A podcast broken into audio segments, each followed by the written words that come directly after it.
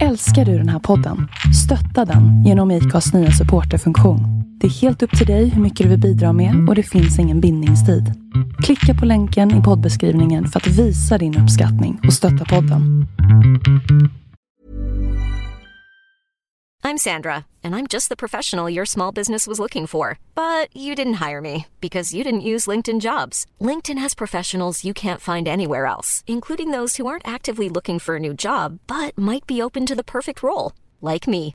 In a given month, over 70% of LinkedIn users don't visit other leading job sites. So if you're not looking on LinkedIn, you'll miss out on great candidates like Sandra.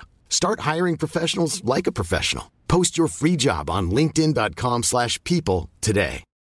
Millions of people have lost weight with personalized plans from Noom, like Evan, who can't stand salads and still lost 50 pounds.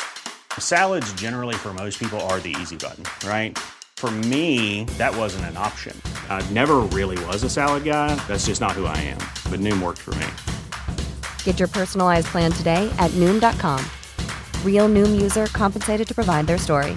In four weeks, the typical Noom user can expect to lose one to two pounds per week. Individual results may vary.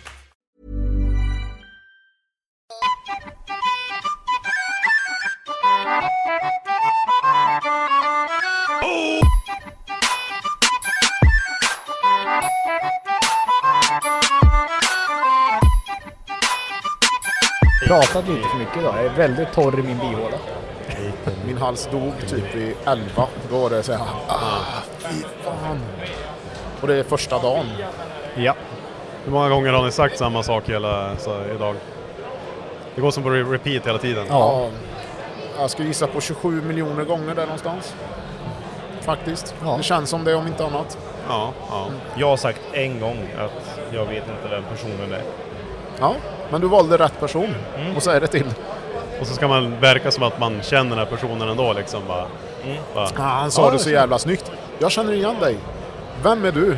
Och jag bara, jag vet att du känner igen honom. Han har varit i verkstaden, men han har inte varit där av den anledningen du tror.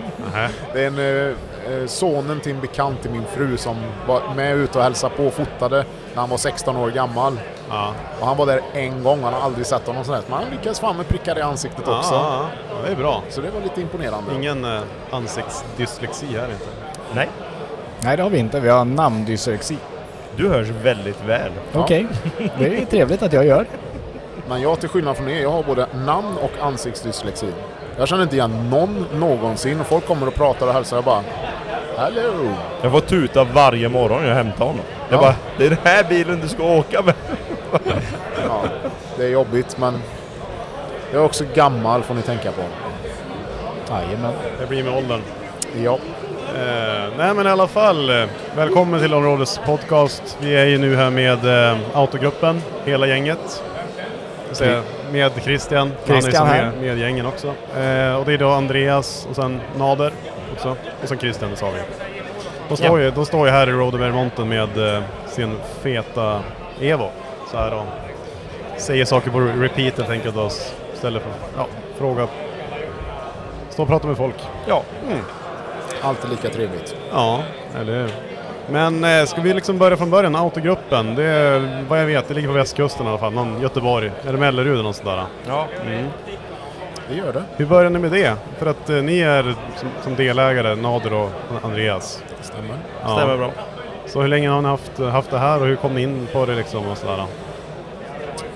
Lång historia kort. Eh, jag jobbade för Andreas innan Autogruppen. Eh, med samma grej egentligen som vi håller på med idag. Fast i kanske lite mindre utsträckning. Och sen 2010 så startade vi Autogruppen ihop. Just det. Ja. Men ända från början, har det varit liksom racing och tuning eller har det varit mer som bilverkstad innan eller hur har ni? Nej, det, från början så var det ju som jag gick igenom med en annan herre här nyligen. Eh, det är ju racing av någon form som hjärtat har klappat för sedan början. Men för att kunna finansiera dyra racingbilar så behöver man ju få in pengar någonstans ifrån. Och eh, Fast and the Furious-trenden var ju liksom på topp början Just det. 2000-talet. Så Okej. det var mycket kjolpaket och dylikt i början. Alltså spoiler, vingar, sånt här. Multimedia. Multimedia, Ja, ja, mycket billjud. billjudsbyggen och sånt gjorde du. Showlacker, motivlacker och allt sånt här. Det var hur mycket sånt som helst. Ja, man har ju hört det väldigt mycket just att kring den här hur mycket det exploderar liksom på marknaden och sådär. Alltså ni ser att ni träffas med marknaden perfekt just när den här första filmen kom och det där. Var det 2001 fil- första filmen kom? 2001 måste det ha varit ja. Jag, jag måste ju flika in här eftersom jag fick den här historien igår. Eh, och det är ju Ja. att eh, det var ju inte autogruppen då som sagt. Utan Nej. då hette det Stylingkompaniet. Precis. Var det så? ja. Så det kanske, kanske, då kanske det är för någon lyssnare såhär bara ja men det känner jag igen. Ja. Att där, Garanterat. att det är där det börjar liksom. Där började Och sen har det ju under åren sakta men säkert liksom gått mer och mer över mot motortrimning, alltså bygga grenrör, avgassystem, mappning. Absolut, det är ju en av de absolut största grejerna vi gör idag. Och sakta men säkert så ja, under hela 2000-talet om man nu får säga så, så försvann ju trenden med Fast and Furious i den bemärkelsen. Och vi, Tack och lov. Ja, det, tack och lov får vi säga. Men vi har ju också medvetet jobbat bort det, så kan man väl säga. Alltså, det lockar föga och när det finns någon annan som vill ha någonting annat gjort så väljer man ju gärna det först kanske.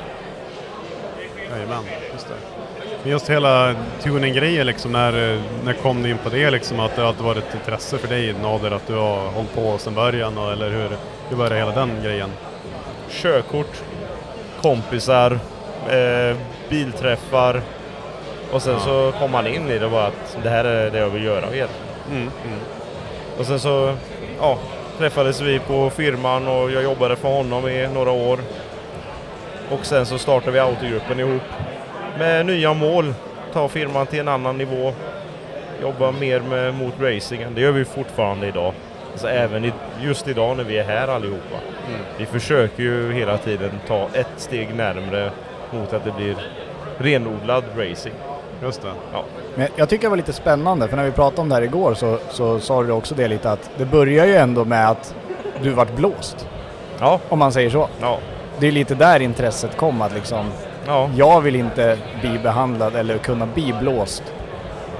Jag hade en kille här idag som var förbi och ja, han började fråga lite grann om bilen, om tekniken och så här och sen så började vi väldigt smått så här och bara toucha ytan på vad vi har gjort med bilen och det visade sig att han, han har ganska mycket kunskap själv och sen så gick vi djupare och djupare in i detalj eh, om vad vi har gjort för något, hur vi har tänkt och allt sånt. Och han var så glad när han gick härifrån. Alltså det var riktigt, riktigt givande.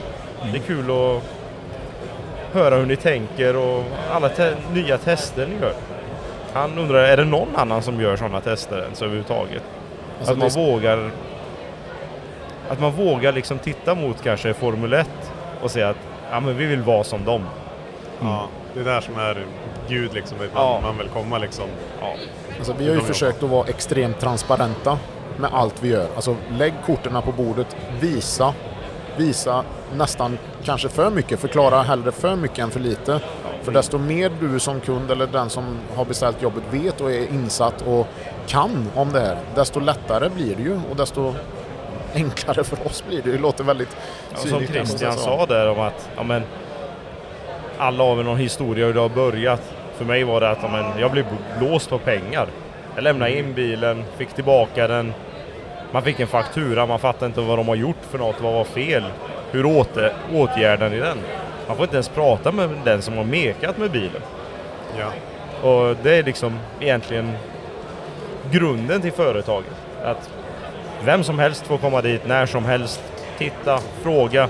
Vi svarar. Är det någonting som vi inte vet säger vi, ja, vi vet inte detta, vi har inte testat det. Vi kan det inte.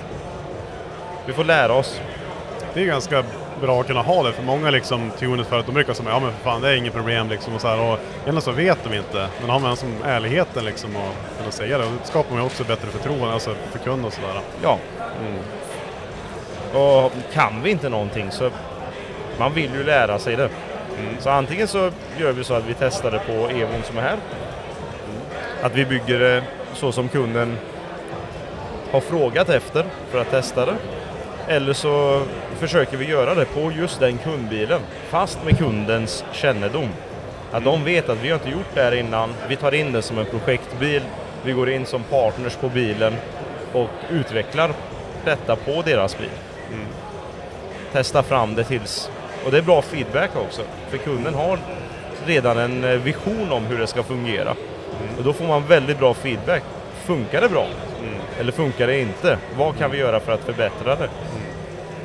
Men det gäller att man har is i magen, för det finns inget facit för någonting som vi gör. Nej, nej. Man kan väl säga i båda våra verksamheter så, så säljer vi funktioner. Mer, Ja. mer funktioner än produkter. Det är liksom, någon kanske säljer, jag, jag säljer en sån här produkt och sen är jag färdig. Mm. Medan så här är det mer så här, kunden kommer med ett önskemål, sen kan han önska en produkt. Men då kommer vi alltid ifrågasätta, varför vill du ha den produkten? Mm. Eller så kommer vi säga att, kan du ta den här produkten istället? För vi tror att det löser ditt problem bättre. Mm. Mm. Så det är mer att, mer att sälja funktioner än att sälja produkter kan man säga. Ja. Jag vet många tuningföretag i Sverige har ju också där att visst, de kan, har väl sysslat kanske lite med motorsport men kanske ingenting alls. Men de har ju som aldrig kört en bil, vet, de vet hur man justerar in en motor, de kan parametrar, de kan tuning och allt sådär. Men sen när det kommer till att funktionalitet, liksom, vad vill man ha mot banan och sådär. Det är ju som ganska schysst att ni kan som erbjuda det. Ja. Det är ju absolut. Och man märker väldigt mycket alltså, från att man eh, går från en bromsbänk till banan. Det tar inte ens två varv innan man inser att oj, så här som jag tänkt, det funkar inte. Man Nej. får tänka på ett annat, annorlunda sätt. Man får prova, man får ha mycket mer säkerhetsfunktioner, mycket mer kompenseringar. Det händer så pass mycket, Ja, temperaturer och allting. extremt mycket. Det kan vara skugga, det kan vara regn, det kan vara Ja. sol så att det är liksom 50 grader precis över asfalten där intercoolen passerar. Ja. Men det är det ni har ganska, som jag har hört, det var snabbt, det är sjukt mycket sensorer på den här bilen. På Evan här. Man kan säga att det är kanske en aning överdrivet. Överdrivet. Ja. Du sa någonting igår att det var ju, det är nog ingen annan bil i Sverige, eller vad, vad ska man säga liksom, som har så här mycket sensorer? Jag tror faktiskt inte det. Om det är någon Nej. som hör det här som, som tror att de vet Ja. någon annan bil som har extremt mycket givare och sensorer. Men hur många givare och sensorer är det då? jag ska säga? Jag har inte räknat igenom allihopa. Jag vet att det är lite för mycket. Men Den här är det, frågan har kommit det, flera gånger Ja. idag. Nej, snackar vi Jag ska räkna. tresiffrigt eller snackar vi två? Hur många? Ja, tresiffrigt är det, det är Ja. över hundra är det, så att det, Ja. det är inget bekymmer. Ja, det är, det är Sen ganska är det ju- sjukt. Ja. Sen är det som man säger, jag menar bara däcktempsensorerna i sig har ju då 16 kanaler till exempel per sensor. Så det är ju 16 temperaturer vi har per däck externt. Sen har vi Alltså, vad är- 16 temperaturer internt på däcket sitter Jaha, med en trådlös givare. okej. Men alltså det är som, alltså den här givan liksom, är det någon som strålar sig, alltså IR-mätare som strålar ett större parti eller? Precis. Okej, alltså vart är den? Är den i hjulhuset då liksom som skjuter där eller? Ja. Som sitter, sitter strax bakom däcken liksom. Och så belyser de hela däckytan då med, med de här 16 kanalerna. Och då ser man ju då, då kan jag även se temperaturen från insida till utsida. Ja. Inte bara att du tar en, säg att däcket är så här varmt, utan det går att se hela ytan. Och det är som man säger, det är liksom en lär, läroresa för oss att testa alla grejer liksom vi Ja. kan komma på. Vi, vi, vi sitter och liksom drömmer om en idé eller vi ser en grej och så tänker vi så här, var, varför har man det där? Eh, vi förstår varför till viss del, men vi vill också veta mer om det. Vi vill liksom Ja. dissekera det. Vad kan vi mer använda det till? Ja, vi kan säkert använda det för att justera camber, men kan, kan det komma något mer ur det? Ja, ja, ja. Men det vet vi inte förrän vi provar. Nej, för det är ju alltid det teoretiska som har man som händer i Och det är som man säger, jag kan ta en referens här. Det är nu... Eh, vi börjar med sekventiell låda på bilen 2016. 16 ja. Med, med spakväxel då liksom. Mm. Eh, och air paddle shiften dök upp på den här bilen när den kom ut på banan 2020. Det i sin tur har ju nu resulterat i att det finns en bil på vägen levererad med paddle shift.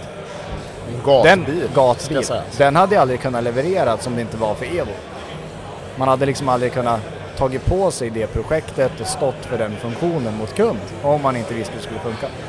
Men där är det som man säger, där är det tvärtom. Det är där Evons utveckling kommer in i att driva kunskapen i företaget framåt. Genom att då skaffa ny utmaning, bemästra den för att sen då, ja men här har vi en ny lösning som man kan hjälpa kunden med. Det är grymt. Ja, det var en som frågade mig idag så här. ja nu med alla de här parametrarna, vad, vad kommer ni se? Så, ingen aning. Bara, vi har inte kommit dit än, det är därför vi ska köra. Vet du vad jag svarar? Vi kan mäta skostorlek. Då kommer jag på, det kan vi fan göra med ride height sensorerna Det är ju bara nolla den, stoppa under skon och så mäta. Ja, just det. Ja, ni kör ride height också, det är också Ja, en... ja. Det sitter tre lasersensorer under på körhöjd på chassit. Så det är, en, det är två stycken fram då, en för varje Precis. upright och sen är det en bak. En bak. hela- Så just med det. den trianguleringen sen kan vi räkna vinkel på bilen, alltså åt alla håll. Ja. Man säger så. Tillsammans med stroke-sensorerna. Ja, precis. Så att, ja men det blir spännande. Det är mycket, mycket det är nytt i år om man säger och mest på givarfronten är det väl. Det, Ja. det är de stora skillnaderna. Ja, fan vad mäktigt. Men eh, för att liksom logga alla de här datorn, jag vet att ni är väl som ja, främst i Sverige på M-tron, styrsystemet från Australien, som är väl egentligen det, det hetaste man kan köra just nu egentligen. Ja, de har varit i framkant ett bra tag. Ja. För är ni, är ni de enda försä- återförsäljarna i Sverige eller hur eh, ser det ut på den fronten? Eller hur? Ja, det är andra företag säljer det också, men vi sköter distributionen här och tar hand om eh, huvudsakliga supporten i norra Europa. Okej, just det. Så vi hjälper till och sitter med Teamviewer och kollar när folk kör i England, Tyskland och Okej. hjälper till, justerar in. Ja, just det. Det där norra Europa vet jag inte riktigt om du ska backa på för vi är ju typ södra Italien och rör om vartannat Ja, jag också, tänkte så- precis säga, ta ett exempel i Italien så kommer jag på att det är inte i norra Europa. Nej, Så jag, jag backar av på det direkt. Ja, ja, okej. Så ni, ni har som en, en tjänst därigenom, alltså mot M-tron, att ni eh, supportar och sen sitter du mycket vid datorn och Teamviewer och kollar igenom? Ja, och så. de har en väldigt bra supportgrupp själva i företaget. Men den bygger på att eh, olika mappare egentligen som jobbar med detta, de sköter supporten. Så att när det kommer in en fråga så kan jag välja att jag svarar på den istället för att någon på själva huvudkvarteret svarar. Då. Det. Så kan jag hjälpa den kunden från punkt A tills de är ute på banan. Just det. Man kan inte utbilda men, men man kan hjälpa till. Mm, mm. Just det. Men M-tron, alltså det är, det är inte, vad ska man säga, det är ju relativt nytt. Det är ju. Ja, jag tror det är sedan 2012, 13 kanske. Ja, just det. Ja. Jajamän. Där börjar de utveckla själva styrsystemet. Men vem, vem är det som ligger bakom det? Är det typ någon eh, person för typ Halltech eller något sånt där som är bakgrunden? Eller är det som något techgäng som har börjat helt från scratch eller? Nej, jag vet inte vad han har jobbat med innan till 100% men ägaren heter Scott från Australien. Ja. Många känner igen honom från eh, High Performance poddarna och videorna på Youtube. Ja. Eh, han är en av de främsta programmerarna på både Motec-sidan egentligen och på M-tron och mycket på Time Attack-bilar. Banracing. Just det. Jag tror inte han är så aktiv idag själv och mappar längre men, men han har en mappningsfirma. Jag kan Ja. säga att M-tron är lite grann byggt av mappare för mappare. Just det. Jag har faktiskt inte kollat in eh, mjukvaran någonting på det men det, det ser Tryck inte på ut. F1. Gå inte in i hjälpfil. Vad var det? Har de ingenting eller? Nej, den den är inte... Är den bara inte korrekt eller? Nej, men den är korrekt men i och med att den är så öppet och flexibelt system Ja. så vill de inte lägga... De kan inte riktigt skriva en, en strategi för vissa saker. Låt säga för paddelväxel. Det blir fel att skriva hur paddelväxelsystemet och växlingarna ska fungera när systemet är så pass fritt att du kan Ja, välja ja. själv. Du kan det. sätta upp dina egna tabeller. Du kan jobba med vridmoment. Du kan jobba med att eh, spelet rör sig av sig självt. Om den ska, alltså, till exempel, ja, vad som helst egentligen. Du, du kan bygga Så upp det, är- det är ju så jävla fritt och det är, det är samma sak, kollar du typ en PLC eller en robot, eller jag jobbar lite med industrirobotar och eh, just programmeringsmässigt är det du har ju som listor med, med alla liksom kommandon, liksom and, if, if-satser och sådär och det är som att ska du sätta upp ett case för någonting, du kan göra precis som du vill. Du har ju liksom alla de här hjälpmedlen så du kan göra precis som du vill för att sätta upp det. Så finns det som inget rätt och fel egentligen att, att Nej, göra det på. och just därför så deras hjälpfil är egentligen kontakta någon som har testat och kan lyssna på vad du vill uppnå. Så kommer du få hjälp att lägga upp det. Just det. Och Men det gör vi väldigt såhär- mycket också. Med mer så här basic eh, grejer liksom, typ ja, men hur bränslestrategi och lite här grejer är väl ganska så straight forward. Inte alltid, men alltså om du ska, Ja. hålla, på, om du ska hålla på en enklare nivå. Ja, kan man säga. Man kan välja att köra ett M-tron-system väldigt basic. Du kan välja att du kör det väldigt avancerat. Man kan väl säga att M-tron föddes lite i, som du sa, Scott har varit inblandad mycket Motec och annat. Ja. Det föddes ju lite i att alla andra system hade någon form av begränsning. Så till slut hamnar de i änden i att alltså vi kan inte hålla på och vänta på alla andra tillverkare. Eller, Nej, vi måste ha någonting som är limitless. Precis, vi måste göra en produkt där vi själva styr över och kan bara bygga vidare. Ja.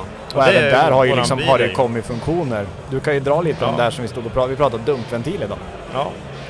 ja men vi har ju haft ja. eh, vissa problem med, till exempel med våran bil. Eh, vi kör en 2,4 liters Evo-motor i den. Och eh, med en EFR 9280 aggregat. Och många gånger på bankörningen så åker du inte fullgas. Du åker halvgas. Och eh, då hamnar vi i det problemet att turbon pumpar för mycket luft för vad motorn kan ta in. Så vi hamnar i surge-området på turbon. Och det skapar total obalans för föraren i bilen, i chassit, i rörelserna. Det blir en distraktion.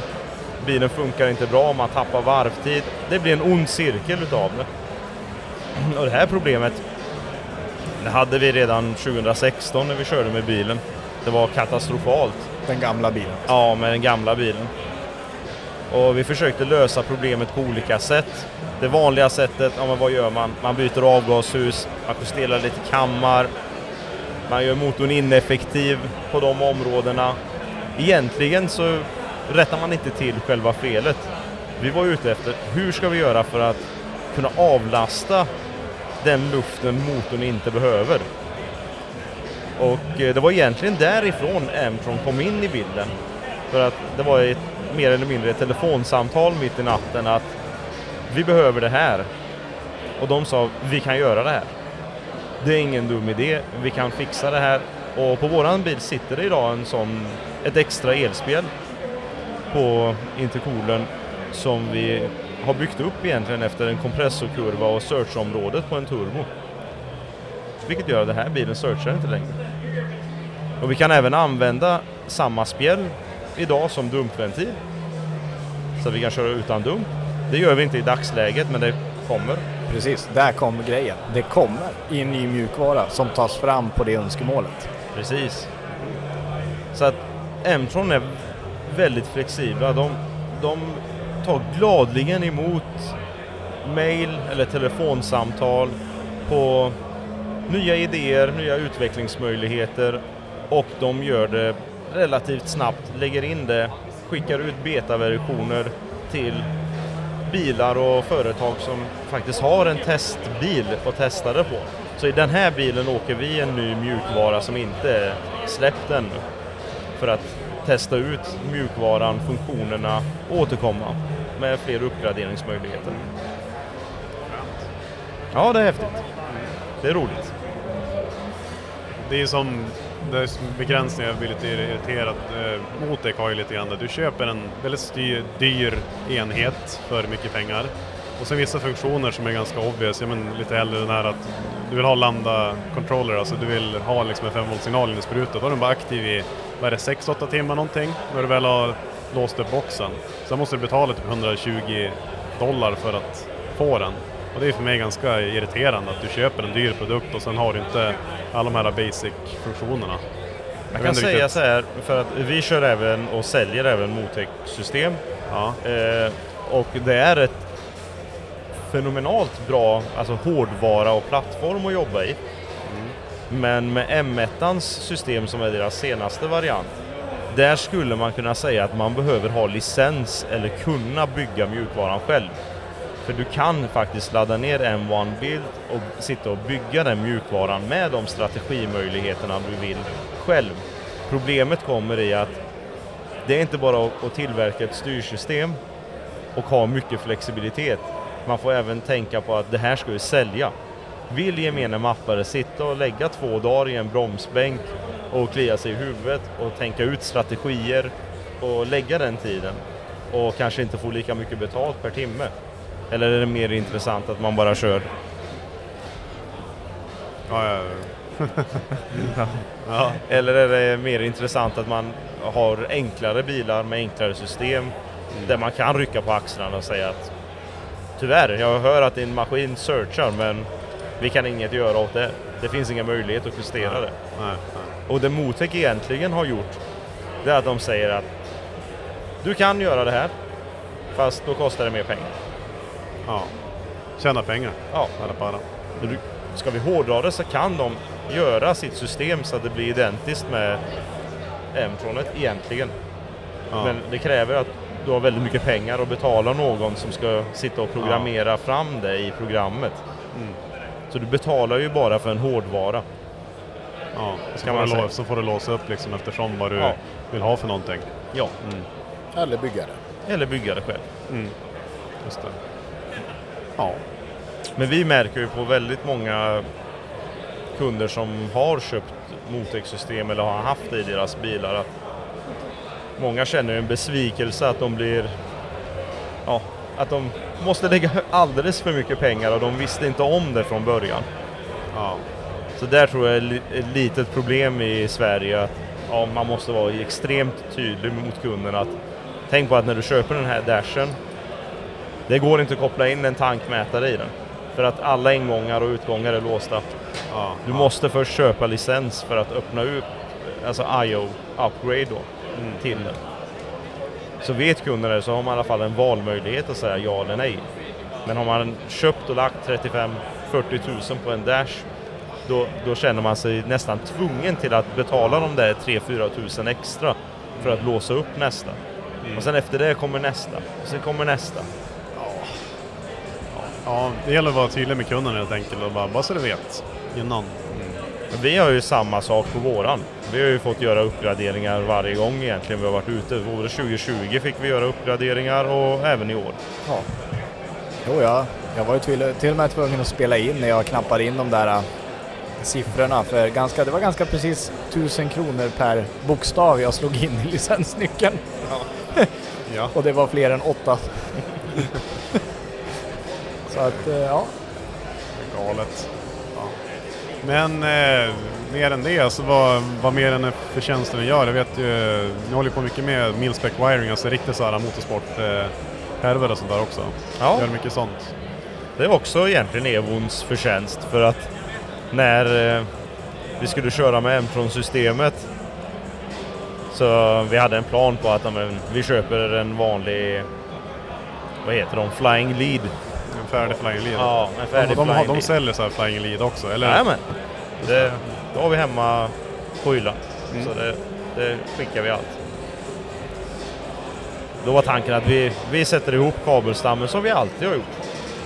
Eh, men fick vi lite, lite kritik kan man väl säga runt om i världen. Att nej men ni bygger ju inte en sån bil med, med, med det här. Ni köper ju lösa kontakter och bygger ihop en, eh, en riktig milspec-härva eller raceback-härva då. Ja. Riktigt så här concentric twisting som man kallar det för. Ja, Alltså satan vad det är, det måste vara tidskrävande alltså. Oh, ja. ja. Man borde vara sån jävla fingerkraft alltså. Man måste bli öm i fingrarna så in i helvete. Ja, Ja. Det är inte Det- gjort på en dag. nej. Nej, nej, nej.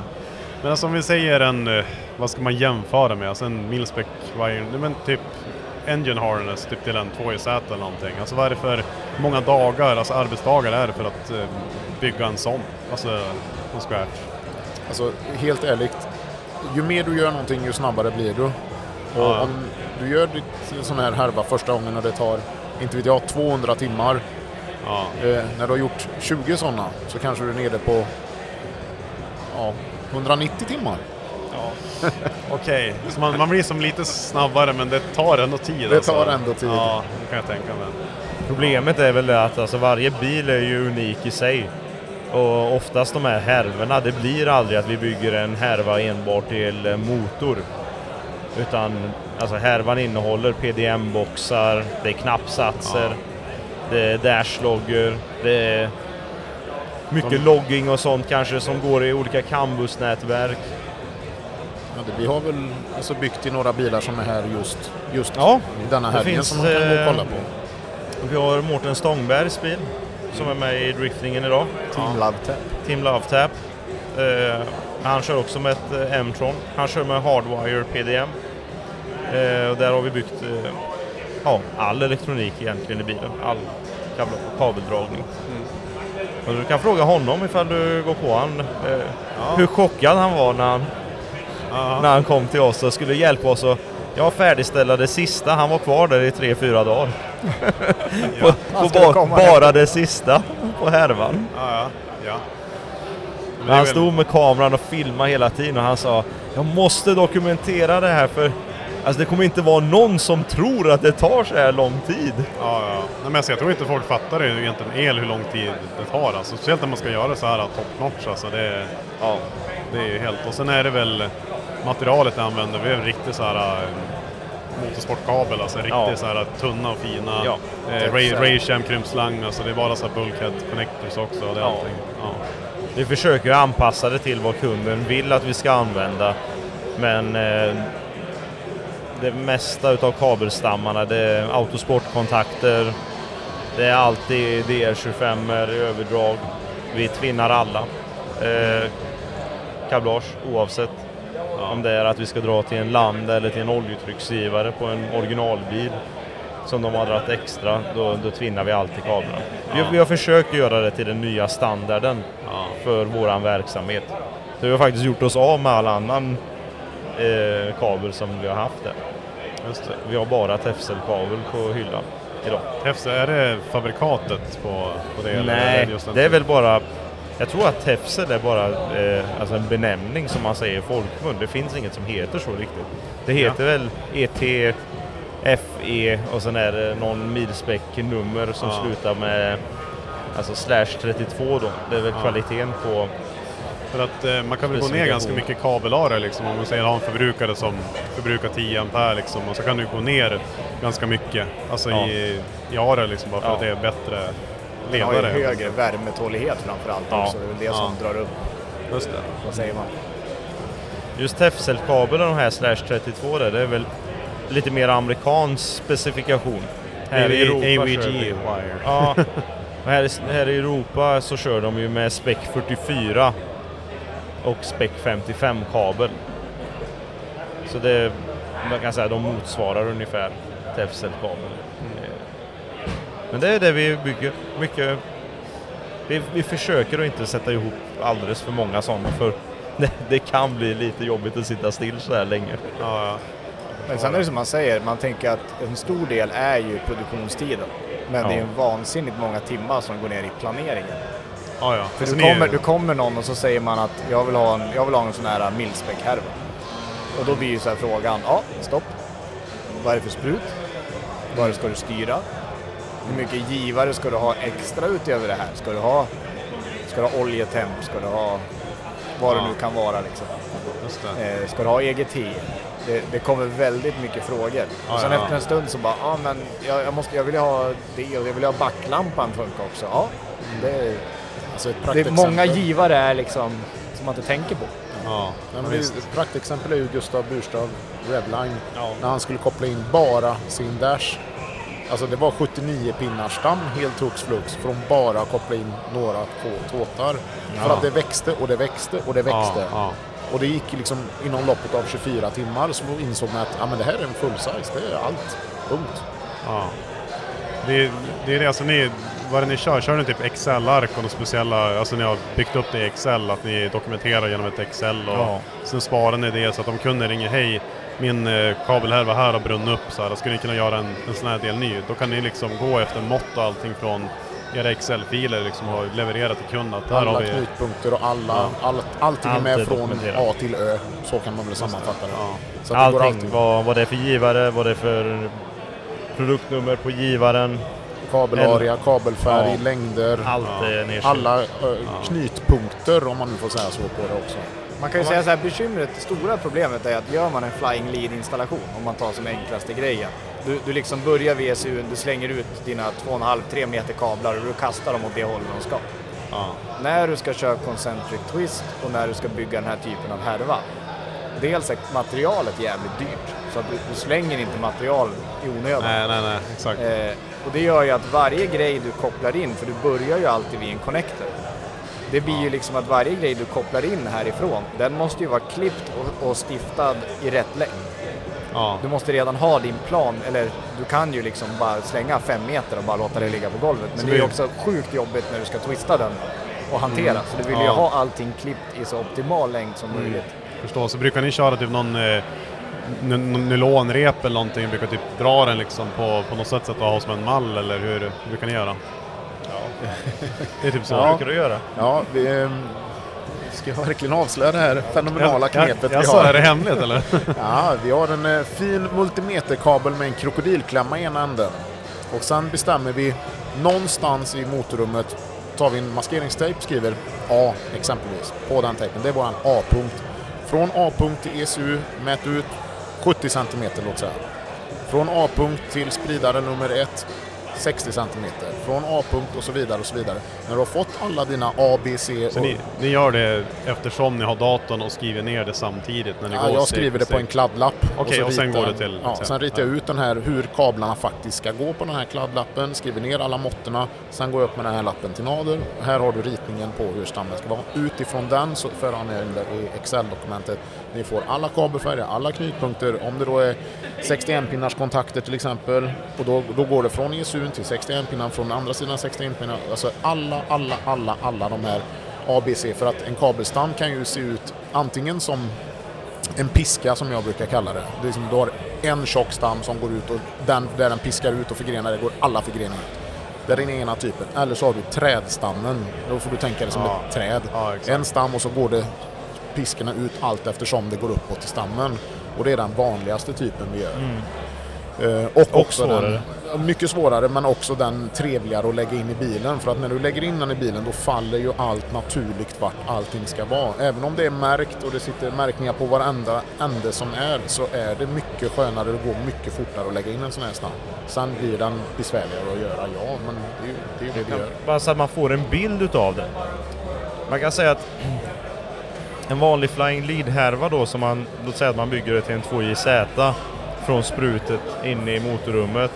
Man tvinnar inte kablarna, man lägger ut det, klipper kablarna, drar någon, Strumpa. ja, någon, någon strumpa eller någonting på. Säg att en installationstid på en sån här kanske är mellan 8 till 10 timmar. Eh, Den sista härvan vi har gjort nu, där har vi en planeringstid på över 30 timmar. Då har vi alltså inte börjat klippa första kabeln än. Så det är en arbetsvecka liksom för planering? Ja, men.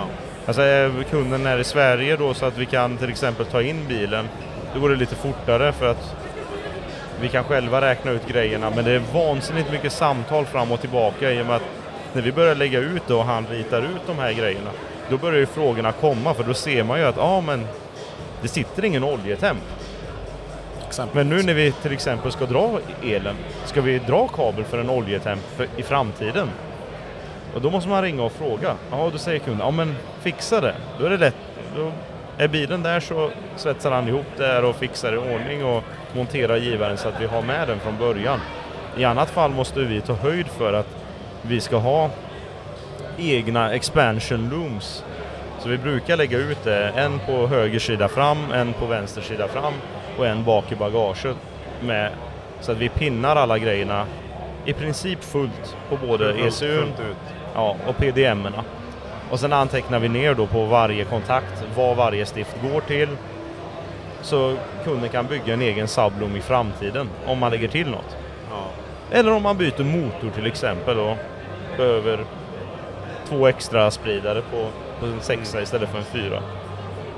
Just det. Det, det är det jag tycker många skjutfoton man ser, men kanske ler mer på hobbynivå liksom, att många, ja men vad fan, jag, det här behöver inte jag, då klipper de typ, eller drar bort det liksom direkt på kontaktstycket. Vilken jävla shame, alltså varför drar man inte ut för att bygga vidare med expansionen senare? Så då har man ju allting. Alltså man maxar alla utgångar, ingångar, rubbet och ser man till att bara göra det enkelt i framtiden att kunna bygga ut. För så, det, det är alltid att det blir så.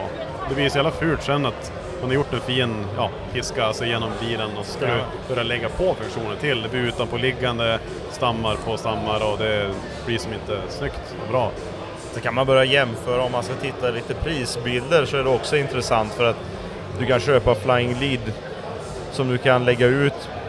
Kanske kostar, säg 4000 spänn. Och sen så köper du lite strumpor och kontakter och så här. Det blir inte så dyrt. Och sen lägger du ut kablarna, klipper dem och det är färdigt. Medan på en sån här härva då pratar vi om att varje torpedkontakt beroende på vilken klassificering du köper. Då kan en torpedkontakt kosta allt ifrån 4000 spänn upp mot 6-7 tusen kronor. För en kontakt, en han och hona. Ja. Och dessutom kan jag meddela att köper ni Autosport så följer ni inte med extra stift. Det är exakt rätt antal. Så är det 79 pinnar så är det 79 stift. Medan köper man kanske ett snäpp lägre då så brukar det vara lite extra ifall man gör fel. Sen är det dyrt också för att du behöver specialverktyg eh, för att krympa Är, är det sådana stifterna. hylsor? Hylsor är liksom Ja, stift liksom? position. De gör Ja, det heter ju positioners ka- kallar de Ja, ja, de läggs bara ner och sen har ju så här tång på jobbet, du vrider på en grej och sen trycker bara ner den så är det typ tre, fyra stycken klor som Ja, precis. Ja, just det. Så att det måste man också ha ett ganska stort sortiment om man ska jobba med detta. En sak jag vet som jag börjar med på slutet när jag gör en härva eller någonting att eh, det där löda det är ju big no-no. Det, är- det är också en grej som är väldigt folk det diskuterar, gillar att diskutera. Och det löda, det funkar bra som helst. Det har inte gått sönder alls i min bil eller den har släppt. Ja men det blir som det blir. Men hur är det vanliga säger om det då? Hur man eh, splicar skarvar och sådär. Vi löder inte någonting på någon kabel här va? Nej. Inte någonstans överhuvudtaget. Möjligtvis kan det ske lödningar på rattkontakterna. För bak på dem så finns det ingen eh, specialstift eller så som sitter på knapparna. Så där får man oftast löda. Men då, vi löder och så har vi specialepoxy som vi använder, specialkrympslangar vi lägger över. Och sen så använder vi my- mycket service loops som många också undrat vad det är för något. Varför, varför gör vi konstiga svängar med, med kablarna innan vi går in i ett kontaktstycke? Och det är ju bara för att avlasta kabeln. Och samtidigt ifall det är någonting fel så är det lättare att ta tag i den och dra ut den och Ja. byta plats på den utan att man förstör härvan. Ja. Det är ju en flerfunktion. Ja, det är Dels det många. du sa, men sen om du tänker att du håller kontakten med en rak kabel som går ut. Du ska böja kontakten. Och kablarna sitter 79 kablar som är tvinnade. Den Ja. blir ju ganska hård. Men med service loopsen så blir det ju liksom som en liten stötdämpare där eftersom Ja, det rör exakt. sig. Det är lättare att böja ner den, ser man vad som sitter i mitten. och Utan att det sträcker i någon Ja. kabel. Ja, men sen som man säger, man förstör ett stift, man böjer ett stift eller någonting. Ja, då, då finns det även en snutt att klippa Mm. Ja. så att du kan Exakt. stifta om den igen och sätta tillbaka den. Mm. Bara fördelar. Ja. Men vad är, det, vad är det ni kör? Om vi ska splicea typ en 5 volt eller en sensorjord eller någonting. Ni kör de här äh, Messings äh, Open Barrel Splice som man kallar dem för. Det använder ben. vi aldrig. Tyvärr. Ni Vi kör, kör, eh, alltså fasta, solida. På kabelhärvorna som vi bygger själva så använder vi Raychems eh, butt splice eller vanliga splice. Eh, och det är egentligen skillnaden är längden på dem. Eh, på den ena, nu glömmer jag vilken är vilken. Dubbel butt splice. Dubbel butt splice. Det är väldigt bra ifall man ska förlänga en kabel. För den är bara lång och sen kan du skjuta in kabeln på ena sidan, krympa ihop den och sen nästa kabel på andra sidan. Den använder vi väldigt sällan. Vi, an- ja, vi använder alltid den korta. För att vi brukar planera in härvan då, så låt säga att du har 20 givare som ska ha sensor ground. Då kommer vi ut med en utav dem, vi snurrar den ett varv och sen så tar vi alla 19 kablarna, för in den i den splicen, krymper ihop den och sen så avlastar man den genom att vi, vi loopar även den då. Så den ligger egentligen åt fel håll kan man säga. Ja, ja. Men alla kablarna går alltid in åt samma håll. Så vi använder aldrig en kort och sen så för vi in kablarna åt olika håll. Utan alla kablar ska alltid in åt samma håll. Just det. För det är så svårt om, om vi ska få in eh, 18 kablar i en ände, sen har du typ en eh, 0,5 kvadrats på andra sidan. Det blir Ja. som att det blir som att kasta korv i Globen. man Ja. säga. Ja. Ja, inte det- bara det, sen blir ju strecket på den enskilda blir ju enormt. Ja, ja, om du tänker att det. alla andra går åt andra hållet och så ska den ensamma vara kvar och sträcka allting. Även Ja. om du har en loop på det så, så blir det inte bra. Nej, just det. Så det är nanirations, alltså runda, alltså hy- hylsor, det är som hylsor. Ja, precis. Blåa, röda, gula.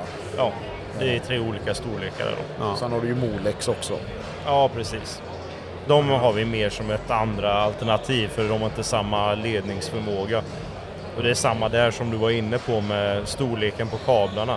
En sak är ju bara att planera ut vad har kunden för sensorer och givare. Nästa steg är vad ska vi använda för kabel? Hur långt är det dit? Hur mycket voltage drop har vi på den? Kommer den här enheten funka korrekt med den här kabelarean? Hur varmt kommer det bli i motorrummet sen? Är kabeln skyddad något ställe där det kommer in frisk luft? Eller kommer den liksom gå över motorn vid ett parti så att den blir jättevarm? Alla de här grejerna måste du räkna ut innan du börjar liksom klippa i, i någon kabel och börjar tvinna den. Så själva jag tror att sen när vi, när vi började med concentric twisting och byggde detta så är det väldigt mycket fokus på att ja, men flätningen i sig är onödig. Eh, eller man behöver inte göra så, men det är en väldigt liten del i själva kabelhärvan egentligen. Det är nästan bättre att man, man flätar den från början än att man inte gör det. För att det handlar om kabellängderna. Alltså har du en, drar du 79 kablar och lägger dem på varandra så blir diametern större än att du flätar dem. Så att kab hela kabelstammen blir mycket tajtare, mycket finare, mycket flexiblare. Du kan vrida och vända på den precis hur du vill utan att du belastar någon kabel mer eller mindre. Så det finns mycket fördelar där och det är en liten del. Så är det någon som vill bygga en motorsportstam själv hemma, alltså fokusera inte så mycket på flätningen. Gör den. Du kommer inte ångra dig.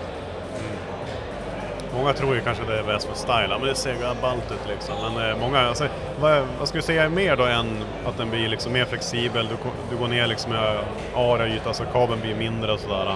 Det är väl någonting med elektromagnetiska störningar och sånt där också, att man får ner mycket av den biten också är väl en stor mening i det hela.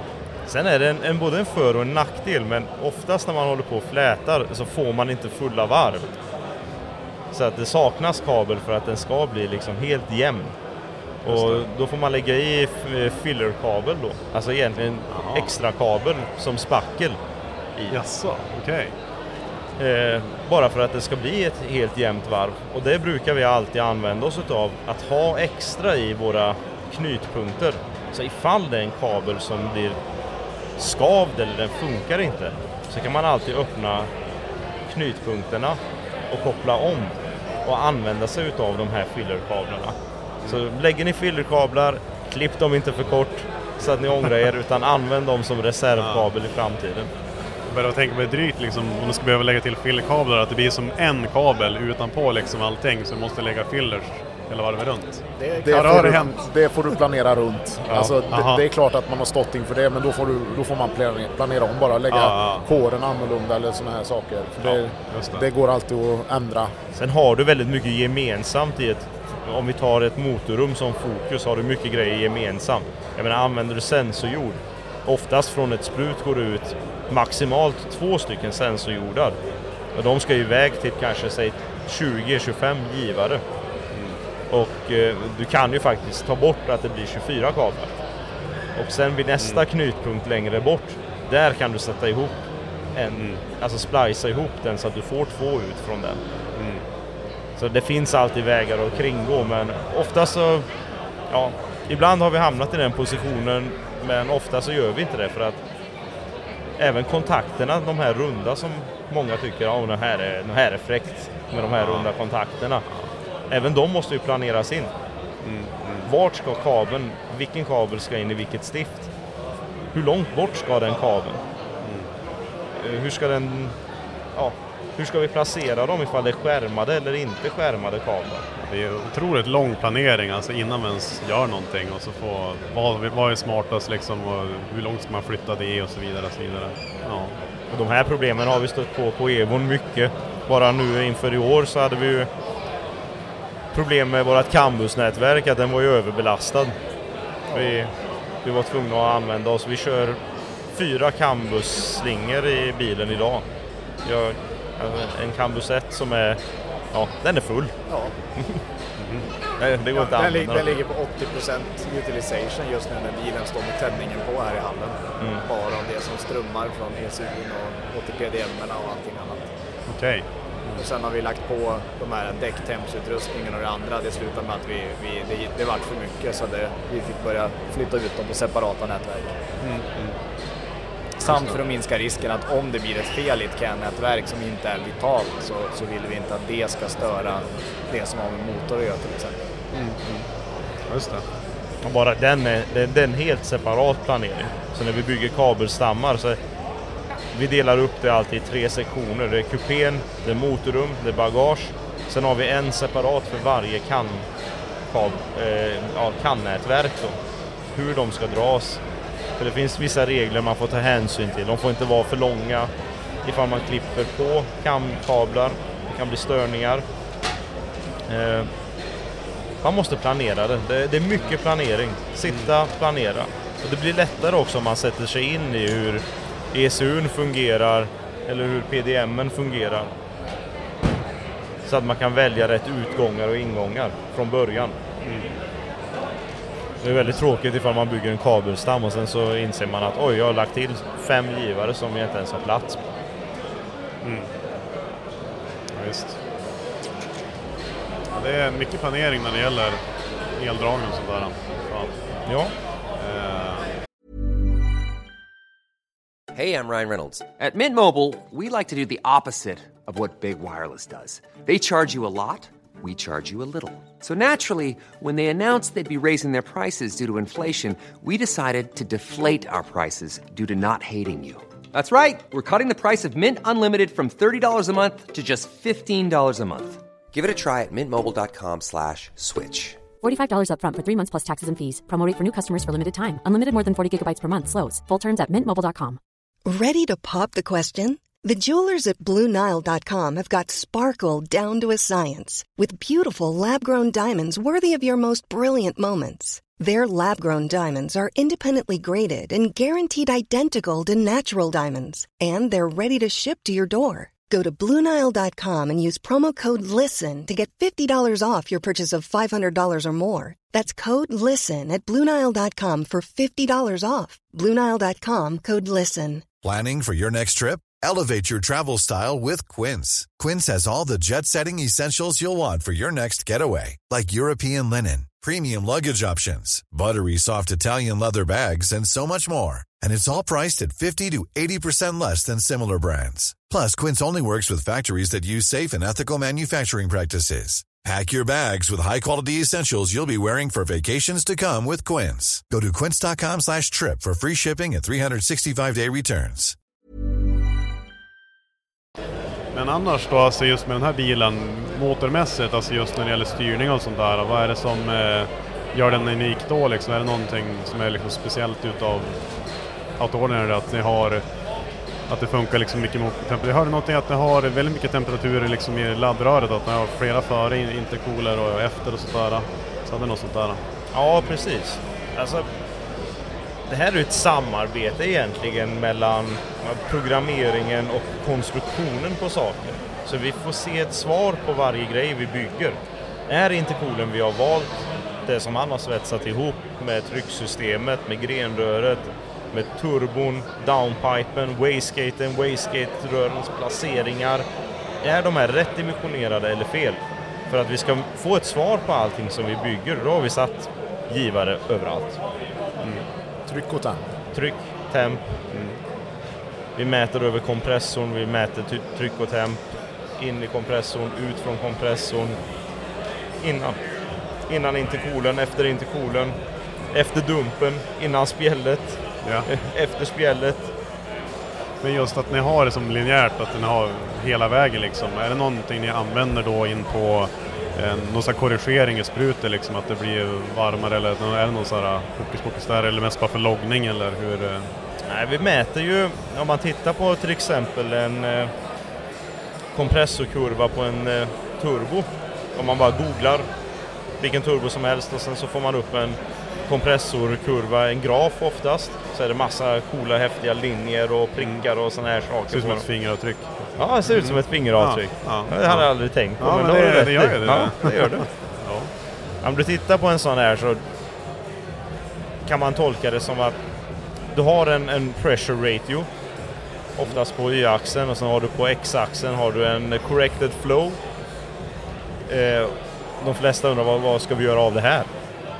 Men det, det här kan du faktiskt använda och det räknar vi ut i sprutet idag. Så vi mäter ju tryck och temp före och efter kompressor. Vi mäter turbons hastighet. Vi ser alla de här värdena så att när vi kör våran bil då får vi en kompressorkurva. Vi ser i vilket område på turbon vi arbetar. Vilket gör att ja, det gör livet enklare att välja turboaggregat. Ja, men Sen då som sagt inför anti-search-spjället om du får Ja, kalla precis, det det gör vi. Funktionen, är, funktionen blir ju att alltså, vi hamnar inte i ett okörbart läge. Mm. Vi kan spola turbon utan att köra anti-lag till exempel. Vi öppnar spjället och den går för glatta livet. Varvar upp den eftersom vi har varvtalsbegränsning. Det är väl fel ordval men vi har en hastighetsgivare på turbon så ser vi att ah, här måste vi börja stänga igen för att vi övervarvar den annars. Just det. Så att det finns ju massa, massa, massa saker som man kan göra med det här som vi då gör och testar ut för att få funktionen. Samma sak som EMAP i, eh, av, äh, i grenröret, att vi mäter mottryck och temp i grenröret. För att se att är kompressorn, eller vad säger jag, eh, turbinen underdimensionerad, överdimensionerad, är vi i rätt område? Har vi ett hiskeligt mottryck i grenröret? Du, alltså, du får ju svar på allt. Och- Egentligen är ju målet att man inte ska... Man ska veta vilka komponenter som passar ihop med varandra. För den effekten, funkar det här som vi bygger grenröret med? Funkar det här avgassystemet? Funkar den här downpipen? Funkar ljuddämparen? Vi hade ju jättemycket problem med mottryck för några år sedan när vi höll på. Eh, alltså bara att vi bytte ut dämpare eller att vi tog bort en dämpare. Det, det gjorde en vansinnig skillnad när vi var uppe på höga effektsiffror. Det finns en anledning varför dragracingbilar tar snabbaste vägen ut från karossen med avgassystemen. ja, just det. Ja. Nej, det, är ju de, alltså det, är, det är inte så många som har så mycket sensorer, så man vet ju som inte förrän det börjar bli sjukt märkbart innan det är som för sent att det är som, ja men nu är det, det är liksom fel, vi får som backa av eller någonting. Men här får man ju som verkligen Man kan då liksom. svara så som Andreas sa där. Så säg att vi på, från turbon till, ja, till spridarna då vid toppen, vi har fyra, fem trycksensorer. Ja, vi har fem trycksensorer och fem tempgivare. Så om vi säger att de två första då över eh, kompressorhuset, de använder vi för anti-search-spelet. Så använder vi den före sp- spelet och i insuget. De två använder vi för att mäta eh, vad använder vi det? Luftmängden kan får man säga eller? Ja, vi mäter luftmängden i och med att vi vet vad diametern på spjället är. Vi vet diametern på spjället, vi vet luftens densitet, tryck innan och efter spjället. Vilket gör att vi får fram en faktor på hur mycket luftmängd är det som kommer in.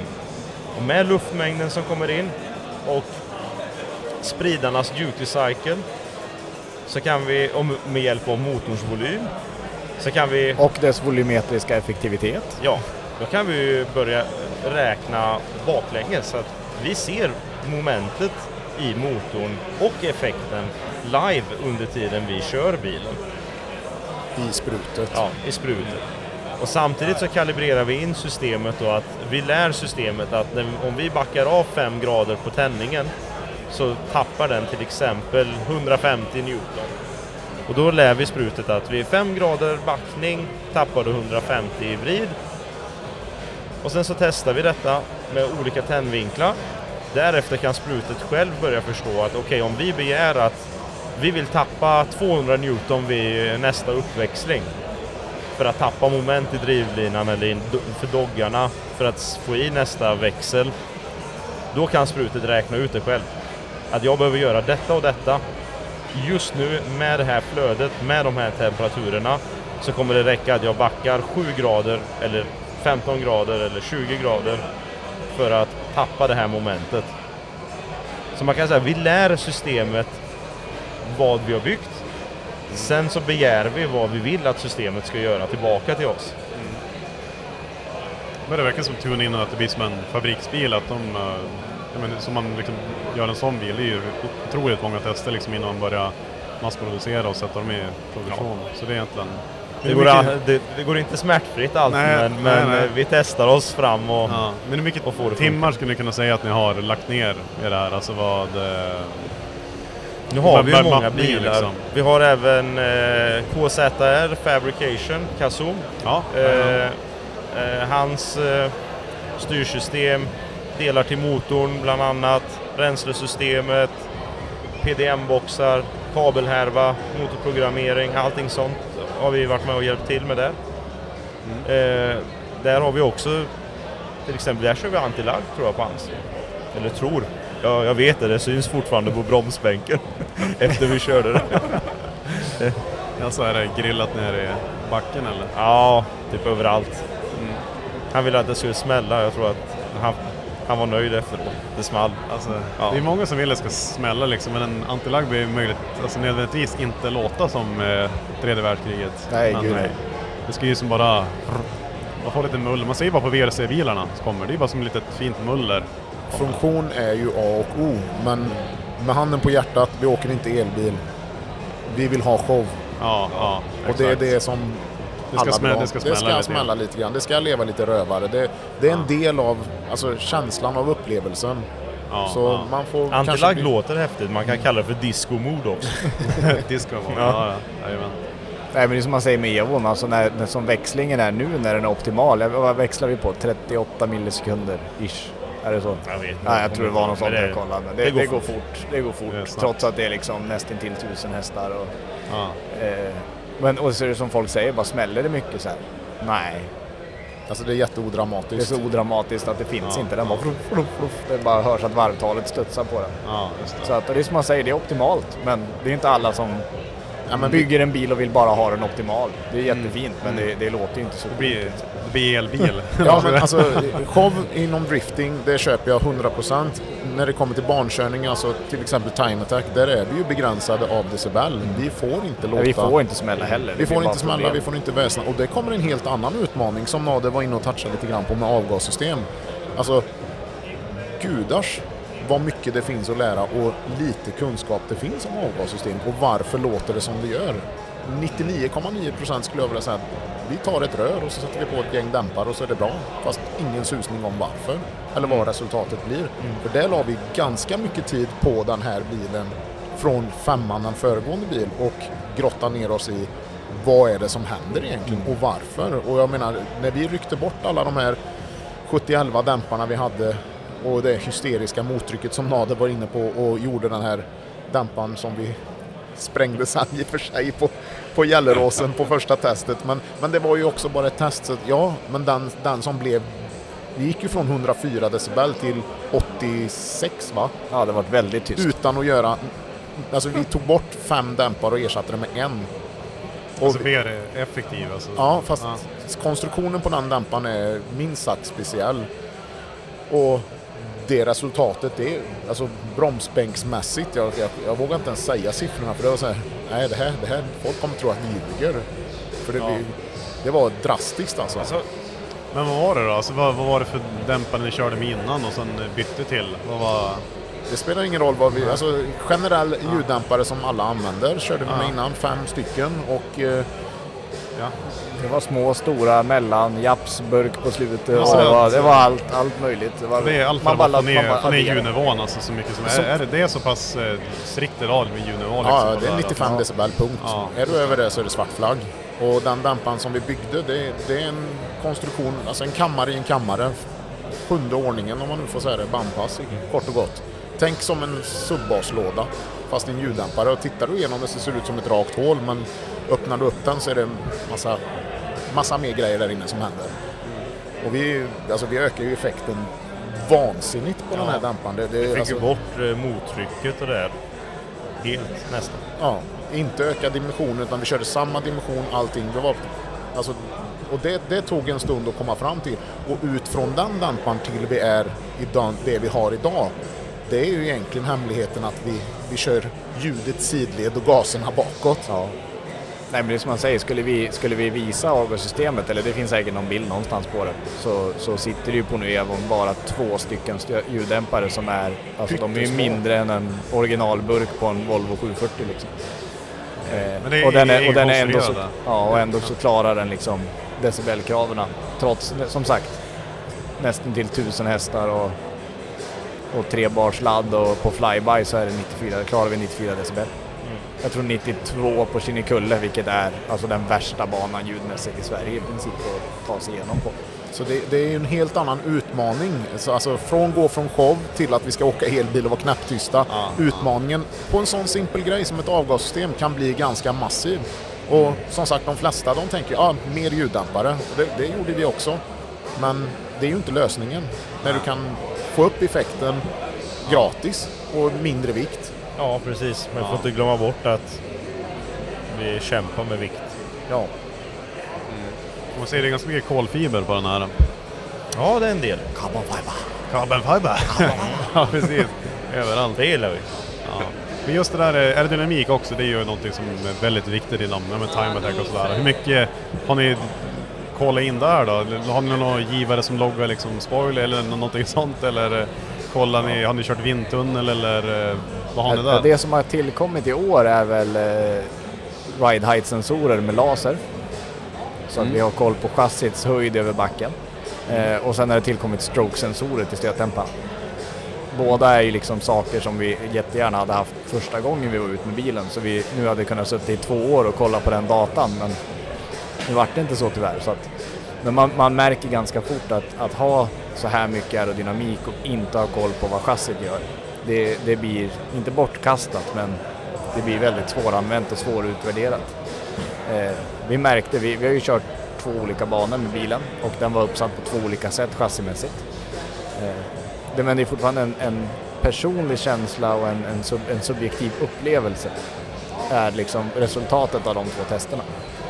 Eh, vi vet ju inte, hade vi mer downforce på första banan eller var det mindre eller vad hände däremellan? Vi har, tankarna kom egentligen när det började komma bilder från Mantorp på bilen på rakan där det ser ut som den går på bakhjulen och att fram, framvingen är liksom 15 centimeter över marken. Då funderade vi, jaha, det här kanske inte funkade. Sen klart att den dök ner och återfick sin funktion i kurvorna men vi vet ju liksom inte fortfarande, är det optimalt? Hur mycket downforce har vi? Vi har ju lite siffror på paketet i och med att det används internationellt i, i Australien bland annat så har vi liksom ett hum om, om de siffrorna. Vi vet att, att styvt 2 ton downforce i 200 genererar bilen. Det är liksom där den ska vara.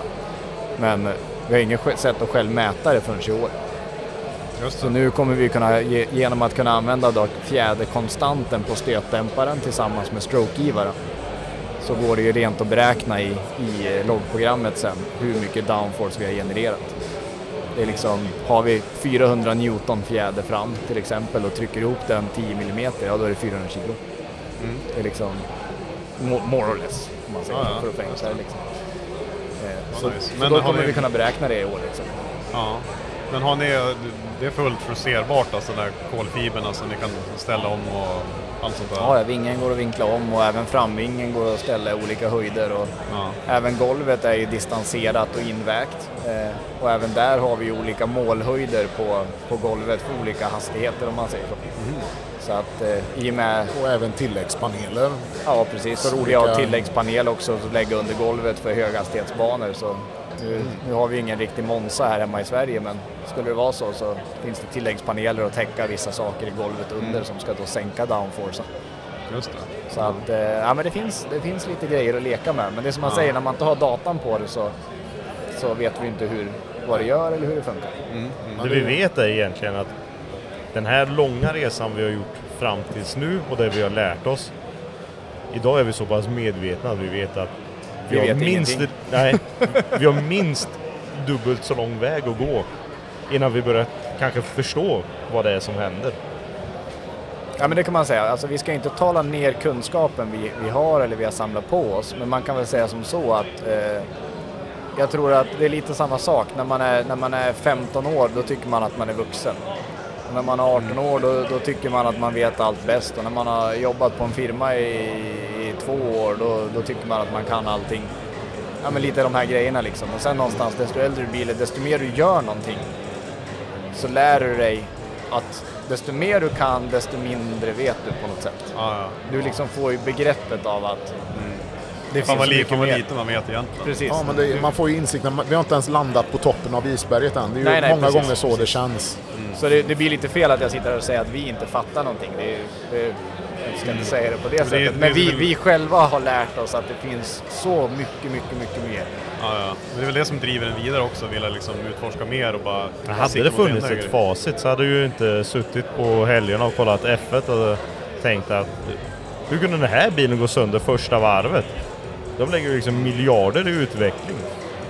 De är 20 000 ingenjörer som har tittat på den här motorn. Hur kan den brinna upp på, det här, på den varvet? Eller vad är det som händer? Varför kunde de inte förutse det här? Det är ju lite charmen i det vi håller på med. Det är ju, Ja, man måste testa och se vart går gränsen. Så vi, vi kommer runt till den saken med hela bilens faktiska mening. Det, det är ett rullande testlabb. Ja, ja. Det är liksom, Jo, men det, att mäta är att veta, ja. kort och Mm. gott. Allt vi mäter, det är någonting vi kan ta rådata på. Den kan vi behandla efteråt och se, det här är faktiskt det som har hänt. Ju mer vi har att gå på, ju mer lär vi oss. Och desto mer vi kan, desto, desto bättre service kan vi leverera till kunder i sin tur. Det är liksom, då kan vi istället leverera de här funktionerna som jag sa. Ja, ja. Att, Det vi innebär inte att alla behöver köpa typ så många givare och ha. Så och- om jag kommer med en Volvo 740 8V liksom bara, måste jag verkligen ha alla de här givarna? Ja, ja för fan. Det är Ja, det är han två och en halv miljon här så Ja. ja. kör han.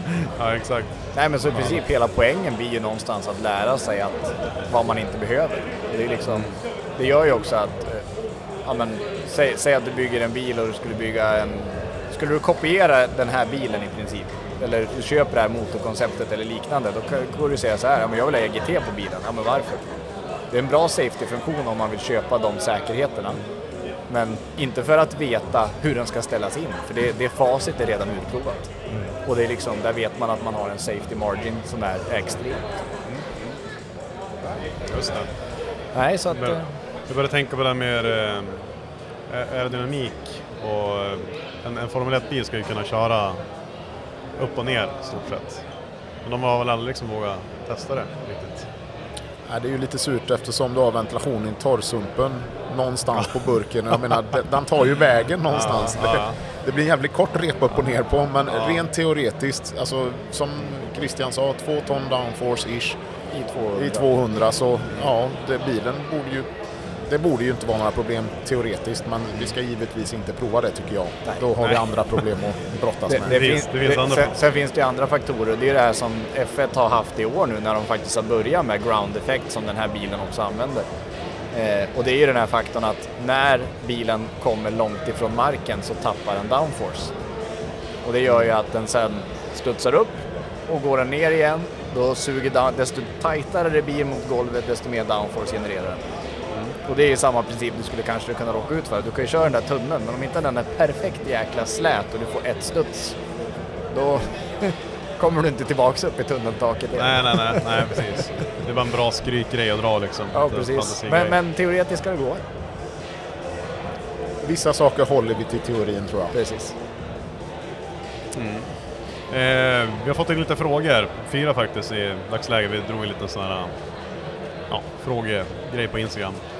Kan vi börja här, Gustav Karlsson, eh, största fuck i kako moment, om ni kanske vet begreppet vad det betyder. Jag har ingen aning, jag är gammal får du tänka. Du är gammal, okej. Det är väl typ mer som en eh, dyngtabbe, någonting sån här eh, rolig... Eh, Dyngtabbe. De är så jävla många, vilken ska vi välja? Ja, precis. Vart börjar man i förhörn? Eller i och för sig, nu vet jag kanske jag också är för Men- gammal. Han säger största fuck i kako moment, sen ställer han garagetabbe sen. Men största fuck i kako moment, det kanske man kan som, tolka lite som man vill, liksom att det här kändes bra eller dåligt. Jag vet inte. Någon sån där... Ja, men jag kan säga en tabbe som eh, egentligen jag var skyldig för. När vi bytte växellåda i all hast mitt i natten så eh, glömde jag sätta dit pluggen till backvajern. För att det har vi ju inte längre med paddelväxel. Så det följer med en liten plugg till den och den glömde jag. Så Mm. Ja, vi glömde den nog allihopa. Ja, jag kan ta på mig det. För vi skickade ut Christian och tänkte så här. Nu kör vi och vi missade första warm-upen så han åkte ut på kvalet. Och sen började han svänga och det bara spruta ut olja från växellådan. och vi tänkte bara, jaha, den ventilerar bra där fast det kanske var lite överfyllt med olja. Så kollade vi och så, nej men vi har inte, det är inte tillräckligt mycket olja i, vi får fylla igen. Så vi fyller, skickar ut den på kval 2. Observera där första tävlingen som vi är med med den här bilen. Så vi skickar ut den på kval 2 och var helt övertygad om att det här är inga problem. Och eh, ja, han kommer inte jättelångt innan det börjar spruta ut olja igen. Men nu hamnar ju all olja på golvet som tur och väl var så att det blev liksom inga stopp på banan. Eh, så vi torkar rent igen och den här gången så liksom börjar vi riva isär inför, jag tror du typ åkte ut precis att han fick ett varv i slutet på kvalet och då såg jag att jag hade glömt pluggen. Enkelt fix. Enkel fix. Kan, Kunde kostat en växellåda. Jag, jag har en annan rolig också faktiskt. Mm. Och det är det att när man gör någonting i sprutet som inte jag kommer ihåg vad det är så kan elspjället hänga upp sig. Ja, det är också jag som står för den. Ja, den... Ja, det blev en misskommunikation för att vi vi skulle stänga av strömmen till bilen så höll jag på att spara samtidigt. Och då, då var det så här, ja men sätt på strömmen igen och starta bilen. Han var så snabb så han satte på strömmen och startade den innan jag hann se ifall det har hänt något, att sparandet liksom förstörde något i mappen eller inte. Sen när han startar bilen så ser jag direkt i sprutet att den har ju vänt upp och ner på spjälläget. Så att den skickar ju upp varvtalet upp på varvstopp med en gång. Så jag får panik och jag sträcker mig in i bilen för att dra huvudbrytaren.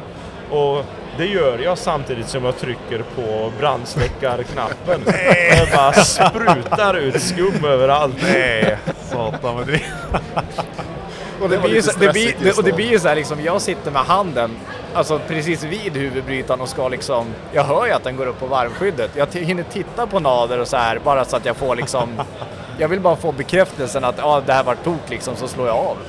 Men han tittar ju inte på mig utan han gör ju den här Ja, reaktionen och kastar sig liksom. in och så här famlar med handen. Han är ju liksom på baksidan av panelen. Panelen sitter mitt i bilen.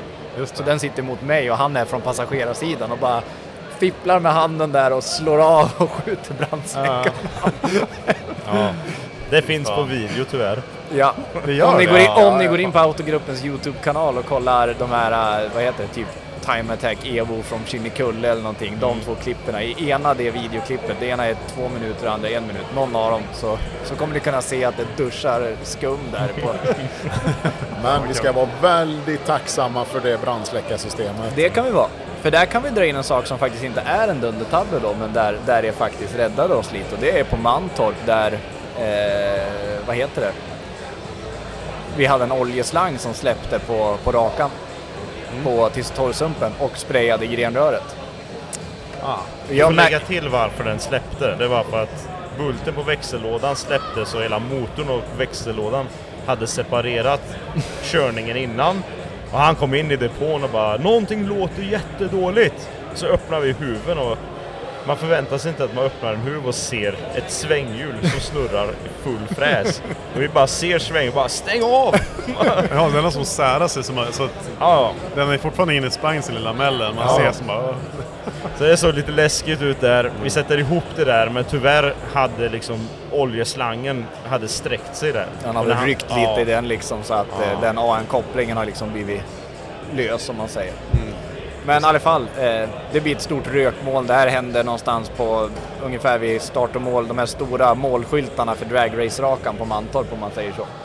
Eh, och det blir bara ett stort rökmoln liksom. Eh, och jag känner ju liksom doften och ser hur det ryker i huven så jag slår ju bara av motorn och bara håller mig längst ut på vänsterkanten så mycket jag kan. Eh, Där nere står det ju en safety-gubbe vid, vid, vad heter det? Precis vid Mjölby. Så jag kör rätt ut ner där, stannar. Eh, och här får jag ju liksom tacka det här liksom, lilla grejen att man vet hur systemet funkar eller att vi råkade använda systemet.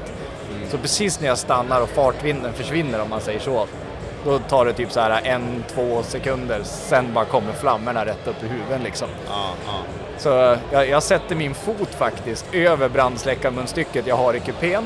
Jag tar min hand och håller för det andra brandsläckarsystemet och så trycker jag på knappen liksom. Just det. Ja. Så det var liksom väldigt kontrollerat på något sätt. Jag bara, ja, men nu Ja, vet jag att ja. jag blir sprayad här i onödan så att jag Ja. håller för de här. Det, det och hjälpte trycker jag med det första. Precis, och Nader hjälpte till med träningen där liksom. Ja, ja, just det. Ja, men det är Men bra. Och systemet, systemet utlöste och släckte den här flamman på, alltså det tog inte mer än en, två sekunder så, så var liksom branden släckt där fram. Och nu hör det ju till saken att nu kan vi faktiskt ge lite creds till kabelstammen. För den går precis där flamman var som värst. Mm. Och när vi kom in, alltså folk, jag och Nader stod liksom inte på en, jaha, där brann bilen. Vi hörde ju över radion så här, bara bilen brinner! Vi bara, "Ah, är det våran? De bara, åh! Så sprang han vidare. Vi bara, okej. Ja, vad fan ska vi göra nu? Ja, ja, men, Så vi gick och tog det ganska chill. Så Ja. han fick ju åka skämsplattan in då, kommer in, kollar. Ja, det är blött. Tog trasan. Fan, det är inte ens ett märke på kablarna. Det, Det är bara sot Det är liksom bara från sot. oljebranden. det tog, liksom. jag tror det Okej. tog 43 minuter, sen var vi laddade och klara för att köra igen. Ja, det finns också faktiskt på film när bilen, eh, när vi torkar av allting och bara sköljer av allt sot och sen ihop med allt igen och sen åkte vi på mediavarv efteråt. Ja. Jag tror det är inte så många som vet egentligen hur sitt egna släcksystem fungerar för man har aldrig provat. Nej, ni kan ringa till mig så kan jag komma och Ja, ja visa. Exakt. Bara boka mappning på Autogruppen AB så får vi visa dem hur Så gör vi en säkerhetsgenomgång. Jajamän, jajamän. Nej, men det är sjukt värt pengarna ett släcksystem alltså. Ja. Grymt bra. Hade det blivit dyrt. Ja. Ja men det är väl, det är väl ett par tabbar i alla fall. Ja, men det var roliga tabbar i alla fall. Många brukar bli som så äh, men det kunde ändå Alla hitta gör någonting. tabbar. Ja, alla gör Ja, ja, jo. Vissa vågar inte Ja, jag har erkänna en annan tabbar. tabbe jag kan säga. En, en som... eh, Det står inte jag för i alla fall. Har någon annan gjort den? Ja, vi skickade ut Christian utan soppa i tanken. Så vi undrade vad som hade hänt med bilen första gången han skulle provköra. Och då fastnade han på banan. Sen ringde han med mobilen för vi inte har någon radio. Och sa Vad fan, ni får ju tanka! Den lilla bagatellen. Kom ett halvvarv på Kinnekulle liksom och så bara bo. Drygt. Eh, Stoffe Jarbo här. Eh, hur gömmer man en F, F1-bil i en Evo och hur många givare är tillräckligt? Finns ing, ja, alltså det, kan, vi har redan en lista med givare som vi vet fortfarande vi, vi saknar som vi skulle önska att ha på bilen. Men, Men, man, eh, men man kan väl säga så här att, att vi kanske blir nöjda när vi får ha de här aerogridsen bak bilen liksom. De här riktiga stora gallerna F1 kör på försäsongstesterna. Ja. Då, då börjar vi kanske känna så här att nu är vi nöjda. Nej, nöjd blir man aldrig. Och Okej. svaret på första, hur man gömmer en F1-bil, alltså det är ju bara att komma ner hit och titta. Ja, nu kommer det här kanske släppas eh, efter helgen så, Ja. men eh, om man eh, var här och, på Elmia och... Om inte eh, annat så tycker jag att man ska ta sig till någon time attack tävling och då faktiskt allra helst King of Mantorp i sommar. Där det kommer lite internationella bilar och dyker upp också. Och det är som man säger, time attack kanske inte är absolut häftigast att stå och glo på bara i bankanten liksom. Men in i depån, kolla på bilarna, prata med, med folket där, få en känsla och liksom så att man kan följa och vara med när bilarna går ut så man förstår att ja, men nu, nu går de för den här tiden eller nu är det Ja. det här som är målet. För det, det är som alla sporter. Det är få sporter som är särskilt spännande om man inte är insatt eller inte Ja. tittat på det. Det, det ser man ju som nu faktiskt, eh, Formel 1 har ju som aldrig varit så populärt kring folk som inte ens är motorintresserade. Jag ska inte säga att Driving Survive kom på Netflix. Det har ju verkligen styrt upp det. Alltså folk Mm. man känner som inte ens tycker om motor, motorsporter och bilar som börjar vara följare. Bara, wow, vilken grej det är med Formel 1 liksom. Vilken Och det är bara för att de öppnar hela den här, vad säger man, sociala intrigen eller vad säger man? De, de öppnar Ja, hela det men här. du får en personlig kontakt. Du känner Ja. att du är med på ett helt Det blir annat lite dokusåpa över Ja, eller vad Ja, ja. Paradise Hotel. Ja, eller hur? Skämt åsido, alltså det är görviktigt. Ja. Alltså, Time Attack Hotel kommer i höst. Fuckboy Island och det var alla de här. det finns så, mycket. Jajamän. Eh, Oskar eh, Ljungqvist ställer här då. Trodde ni att autogruppen skulle kunna vara här, vara det, vara det, det, det den är i- idag när den startar? Du? Nej. Nej. Alltså, nej. Han, Nader, jag såg Nader försökte så här, tänka så här att ah, jag hade stora tankar men så kom han nog på Ja, men, nej, Faktum nej. är att man siktar alltid mot stjärnorna och så hamnar man kanske med lite tur vid stubbhöjd. Och då inser man att stjärnorna är ännu längre bort än vad man har trott. Ja, och så men- siktar man men igen. Hela tiden får du liksom jobba dig vidare och aldrig... Alltså jag läste någon tröja här för idag förut säger ge aldrig upp. Stod det på. Ja men det, det, alltså, det är ju så sant. Ta nya tag, ge faktiskt inte upp utan fortsätt kötta på. Försök ha nya mål, nya drömmar. Evo när vi började den här resan med denna bilen. Jag menar när vi satt i bussen på väg från eh, galamiddagen uppe på Time Attack och vi kom på hehehe, det här bygger vi på tre kvart ungefär. Alltså det var Det ju... stämde inte. Det stämde inte och det var sjukt orealistiskt på alla sätt och vis och vi har ju stundtals tvivlat på att det överhuvudtaget kommer komma ihop internt. Men det gör det ju, alltså du får ju bara bestäm dig för någonting och gör det. Och det är ju där vi, som du sa förut, vi lär oss att ju mer vi lär oss ju mindre inser vi att vi faktiskt kan, så man vill ju lära sig mer. Så ja, eh, nej. Ingen av oss trodde väl att vi skulle sitta här vi är idag för 10-15 eller vad det nu är år sedan. Sen är det ju en charm tycker jag om att det, alltså det är någon liten del i varje bil som man träffar på. Och Man får inte glömma bort att vi jobbar liksom heltid med kundbilar. Så att det är ju kul när, när någon kommer och kanske har ett problem som de har försökt tackla under en lång tid och man känner igen dig så väl i sig själv att men, det här problemet stötte vi på för tre år sedan. Vi vet hur vi fixar detta. Och, och man kan liksom dela med utav detta så att man kanske gör det, den här vägen lite kortare för, för andra som kanske tappar hoppet om bilen eller om projektet. Att det, det är motstridigt. Får liksom alla hjälpas åt och, och lösa problemen på något sätt. Vi har försökt få hjälp utav F1 men de är inte så himla schyssta. Så dålig på att svara på mail. Ja. Men största chans är Günther typ. Det, Ja. Men eh, vad mer gör ni? Alltså är ni som... Det är liksom mappning, tuning, det är det som är som huvudsakliga. Sen Fa- fabrikation och- ska inte glömmas. Nej visst, Ja. eh, jag tänkte precis. Grenrör, tryckrör, att ni kan som erbjuda kunden liksom ett sån lösning, AG-system. eh, Absolut, ja. Inga problem. Det är ju det som egentligen är... Man kan säga att Andreas jobbar främst med alltså svetsarbetena, eh, sätta ihop motorerna, bygga egentligen renoveringar, växellådor, plocka ner diffar, allt mekaniskt arbete, fabrikation, allting sånt. Det allt man ska prata med. Och jag jobbar med elen och mappning och ja, rycker in ifall ni, det är, behövs. ni är ganska komplett om man säger så genom att bygga Ja. racebil och, Och Christian eh, är vår huvudleverantör. Ja, precis. Ja, Som man säger. Jag, jag, jag levererar grejer och produkter framför allt. Ja. Eh, och sen har det blivit en, en vänskapsrelation ur det då, som har växt i och med Time Attack-projektet. Där, även, där även mina produkter då hamnar på, på bilen och eh, ja, får testas till det yttersta om man säger så. Ja, just det. Men hur har det gått till liksom, när ni började med Evon? Alltså, var det som att eh, det var din bil från början och då du raceade med den och då kände du inte till Andreas och Nader utan så Ja, det, börjar som- det börjar faktiskt ska jag säga att jag körde track days, jag hade en skyline. Och åkte lite track days. Eh, och sen Har? Var, har, jag har den fortfarande, ja precis. Eh, och sen vart det som så att, eh, lång historia kort, eh, en kompis till mig hade en Evo. Den hamnade ner hos Andreas och Nader. Eh, de tyckte att det var en fantastiskt rolig bil. Eh, det var en Evo 5. Eh, 600 hästars klassen sådär. Och eh, vi träffade, strålade ihop sen just på grund av det där med bandag och sånt så bara kom vi fram till att fan vi drar till gatubil. Vi, gör, vi drar en helg och så kör lite på bana där och, och har kul och liksom kommer ut i, i friska luften istället för att vara i verkstaden och bara skruva, ja men vad säger man, Und- bakom stängda dörrar om man säger så. Du glömmer vem det var. Vem du tog med dig. Som det var bara att vi skulle göra en liten grej och bara ja, ja, ja. fixa. Och... Jo- John Julin eller? Ja. Ja, ja det var... Bara. litet, litet BMW-projekt. Ja. Vart en sån här, vad heter det? Eh, 92 timmars helg, 92 timmars weekend Ja. gånger fyra personer. Vi åkte faktiskt första träffen vi åkte på gemensamt Mm. var faktiskt Beamers of Sweden.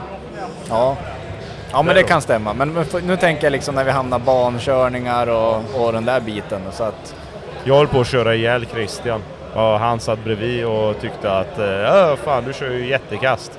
Nej, bara, nej, nej, nej. Jag sa så här, ja försök göra så, kan du gå ut lite där? Och, så Nad, och då Nader tittade på mig, han, han tittade på mig och bara, kör själv istället. Så här. Ja det kan jag göra. Och sen blev han kvar där. Och så körde jag ett varv. Och det var ungefär där det började. Nader bara, dra åt helvete sa han. Och, och sen någonstans precis i den här härvan så, så vart det, det var, det var många, vi hade mycket strul den dagen kan man väl säga. Det var många så här liksom, ja men bromsvätska, fan det måste fixas. Och bromsbelägg och det var, det vart en lista och så vart det bara så här. I en BMW, I en observera. B, ja, ja, ja, ja, det här var en BMW då. Men stru- saksammen så vart det i alla fall att eh, det här kan vi för lite om. Även jag som hade bara kört ett par trackdays kände också så här, vi bara, vad mycket bekymmer vi har. Hur, ska det vara så här svårt att köra en bil på en bana?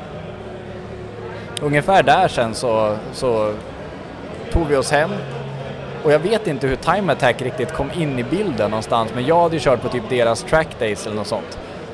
Det, det, det gick från 0 till, ja, vad säger man? Fred- Freddan. 0 till 200 väldigt fort kan man säga. Eh, och sluta med att Nader plötsligt hade ha- inhandlat en Evo Femma. femma. Och vi, eftersom, ja, den första inspirationen där med bilen som jag hade med mig en polare. Eh, och ja, helt plötsligt så var vi serieanmälda och sen bara spårade allt ur. Ja. Kan man säga. Och Vi har kört hos eh, Micke på Time Attack nu. Mm. Och vi började direkt med att vi anmälde bilen till eh, provklassen. Egentligen där även denna bilen var med då 2020. Så vi har kört i samma klass hela tiden, även med Evo 5. Mm. Så körde vi där i några år. Tills vi kom fram till att nej, men vi bygger på en annan kaross istället. Vi hade fått svar på väldigt mycket. Vi hade en, där hade vi nog fått en vision om hur bygger man en riktigt snabb time attack bil. Och då ville vi börja på ny kula och bygga på en, eh, på en Evo 9 kaross istället. Och sen började vi. Vi trodde inte att det skulle bli så här komplicerat men men eh, ja, vi vet att det går att göra mycket mer komplicerat än det här. Ja, ja, gud, ja, jag är så sugen nu. Som, sommar ut på banan.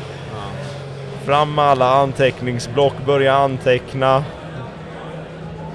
Nej, vi får, vi får väl faktiskt hoppas. Vi, vi, har, vi har en idé i alla fall om att kanske få ihop och köra två säsonger i rad, men det är inte säkert. Det är mycket möjligt att vi kör i år och sen blir det två till två års uppehåll igen för att Ja. bygga om allting. Just det. Men vad är planerat i sommar då att köra? Hur många event blir det? Eh, huvudsak, nummer ett då så kommer vi köra Time Attack nu-serie. Det är liksom planen för att få de, de banorna, om man säger avverkade och testa bilen på de olika förhållandena. Ja, det är bra kalender med, Ja. det är liksom nästan en månad mellan varje körning. Och sen är det sommaruppehåll vid industrisemestern och så här så att det passar liksom bra. Så att det blir inte för tight så att det blir stressigt emellan. Det blir det ändå men inte, Ja, in, men sen inte är det också super. mycket körning på de Ja. här eventen. Det, du, du får mycket, mycket körtid Ja. om, om allt håller Ja, ihop. mycket körtid, bra säkerhet och organisation.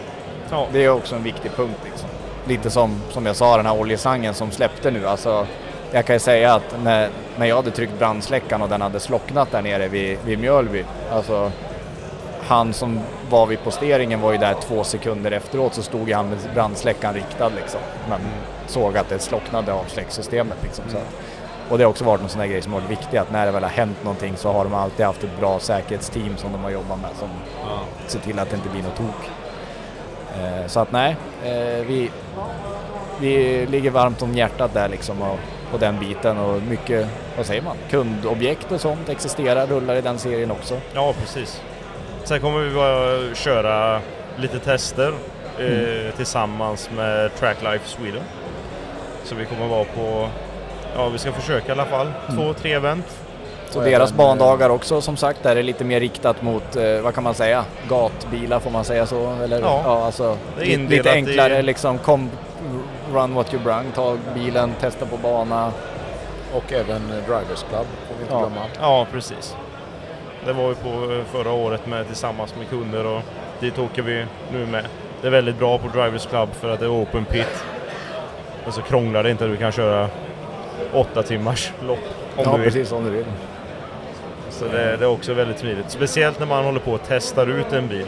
För det kan vara så att du kanske du står still med bilen liksom i två timmar och får åtgärda något. Då kanske du missar två av dina pass. Och så missar du det precis med att inte komma ut på ett eller någonting. Då är det jäkligt smidigt istället att du bara kan rulla ut och köra. Ja. Ja, men det är ju också som det här med track support som vi har, det är ju en del i detta att vi, vi åker ju faktiskt med kunder till banan för att testa ut, för att göra allt det och då, då är ju de här evenemangen, de är ju perfekta för detta. Det är ju en sak som jag kan säga att som jag inte trodde överhuvudtaget som, som vi har lärt oss det är att alltså på en banracingbil så behöver du, det går inte bara att mappa den på bänken. Det går inte bara att vara in, alltså inne i en lokal och köra den och tänka ja, jag får till det här med att jag har jättekraftiga bromsar på bromsbänken. Nej, det går inte. Du, för att verifiera det här, det halva tiden på bänken, halva tiden på banan. Kör, logga, återkom, titta på loggarna, ändra, modifiera, ut igen. Speciellt när det kommer till växlingssystem, traction control system. Det är liksom, det är en känsla som... Alltså, vi, vi tror inte på att förarna ska alltid anpassa sig efter hur bilen är byggd. Utan bilen går faktiskt att anpassa efter föraren, man kan mötas halvvägs. Och då är det väldigt bra. Och det blir en bättre produkt ifall man får åka med kunden, höra på hur de tycker att bilen känns, justera den samtidigt som eh, föraren försöker adaptera sig till att så här behöver jag kunna köra bilen. Och där är det också väldigt bra att det finns eh, ja, erfarna eh, förarcoacher som hjälper till och visar, förklarar, kör snabba bilar, har kört mycket på bana. Att man frågar om hjälp. Det finns mycket att lära. Just som du nämner förarcoacher där utan att nämna några namn. Men, men de har ju också en väldigt stor erfarenhet vilket gör att när de ger feedback till oss att så här och så här känns det, går det att göra detta? Alltså vårat arbete blir ju väldigt, väldigt, väldigt mycket lättare och det går väldigt fort att göra. Ju mer erfaren förare kan ge feedback. Jag menar, kommer en förare in och säger hur gick det? Ah, det gick så, eller, nej, det gick skit eller du vet. Jaha, vad, vad, vad, vad gick dåligt? Vad ska vi ändra? Eh, eh. Ja, då blir det ju svårt. Ja, alltså, du kan ju titta på hur det ser ut som att du skruvar och- livet ur dig i en halvtimme. Ja, ut och prova igen och han kommer tillbaka. Ja, fy fan, nu gick bilen skitbra. Alltså perfekt. Och du har inte rört en skruv. Allt Ja, sitter det i huvudet lite liksom. placebo liksom, Ja, eller någonting. så att Ja. eh, någon som är erfaren, de kommer ju kunna berätta, gör det här, gör det här. Och det går väldigt mycket fortare att justera in. Mm. Det ser man ju även i Formel 1 att alltså, många av de här som Kimi fick ju flytta ner till Alfa igen. Och många gånger är det bara för att det är så mycket värt. Det är inte att ja, men nu sitter han i den bilen så han kommer vinna mästerskapet. Det är ju att han kan ju återkomma med, med så mycket data som egentligen de inte får fram. Även om de har så mycket givare på, den, på de bilarna. Det hjälper inte. Att han kan berätta att här ligger felet. Vi hade en rolig erfarenhet förra året med eh, Alex Danielsson. Eh, Då jag jobbat tillsammans med honom på en kundbil. Och det var ju fantastiskt. Det var ju kul, det var givande. Vi pratade samma språk. Han kunde förklara direkt, jag kunde ändra mig en gång. Vi fick mycket körtid. Det, det bara gick på räls. Och det är också därför Christian kör våran bil, en av anledningarna. Det är att han är med i projektet, han vet vilka delar det är, hur mycket tid det är nedlagt på bilen. Eh, han kan skruva själv, han mappar själv. Han kan så extremt mycket så att vi pratar samma språk. Han kan förklara, vet inte han vad felet är eller kan uttrycka det. Han, han, han bara babblar inte och vilseleder oss eller att vi börjar ändra något som inte ska ändras. Utan då säger han att jag vet inte, ändra ingenting så jag får köra igen. Så vi, vi, jag får liksom komma fram till en bra slutsats vad vi ska ändra för något. Så det får man också tänka på att alltså, ja, det hänger på föraren. Försök att förklara bra till dem som hjälper er. Både era mekaniker, var tydliga. Till mapparen, var tydlig. Förklara hur du känner. Kommer laddtrycket för fort, ja, men be dem att de ändrar det. lägga in det på kanske gasspjället istället, att den kompenserar. Så det finns en miljard Det finns faktorer. jättemycket grejer. Det, möjligheterna är oändliga, vi måste bara alla hjälpas åt på alla fronter. Det går inte bara att en firma gör det som vi gör, eller så här, det, det måste matcha med föraren, med organisationen som anordnar eh, träffen. Alla de här faktorerna spelar in. absolut. En stor harmoni som ska funka. Ja. Men som sagt, förutom i alla fall de körtillfällena vi pratade om så är det väl, eh, eh, vad heter det, Time Attacks stora event på Mantorp, King of Mantorp, där byggen från hela Norden dyker upp. Eh, och sen har vi väl en förhoppning att om, om allt klaffar och allt funkar och alla mår bra så är väl tanken att åka European Time Attack Masters på Nürburgring som avslutning på året. Fränt. Så, Hur många anmälda förare brukar vara på det? Vi vet inte riktigt om jag ska vara ärlig. Det Det är en historisk bana. en det är det historisk bana, vi det är det vi jagar om man säger. ja, men det är- ja. ja. Nej, det vore fantastiskt kul att komma ner dit och köra och då är det väl rätt forum där och Gärna i åka. regn så att vi sätter den så här i något räcke också. Christian pratade på att vi skulle ta svängen förbi spa i samma veva där också. Så Ja, att, jo, eh, det hade inte varit fel. Alltså, det är som man säger att, att, eh, att få ta den här bilen upp för Rouge hade ju, det står ju högt på önskelistan.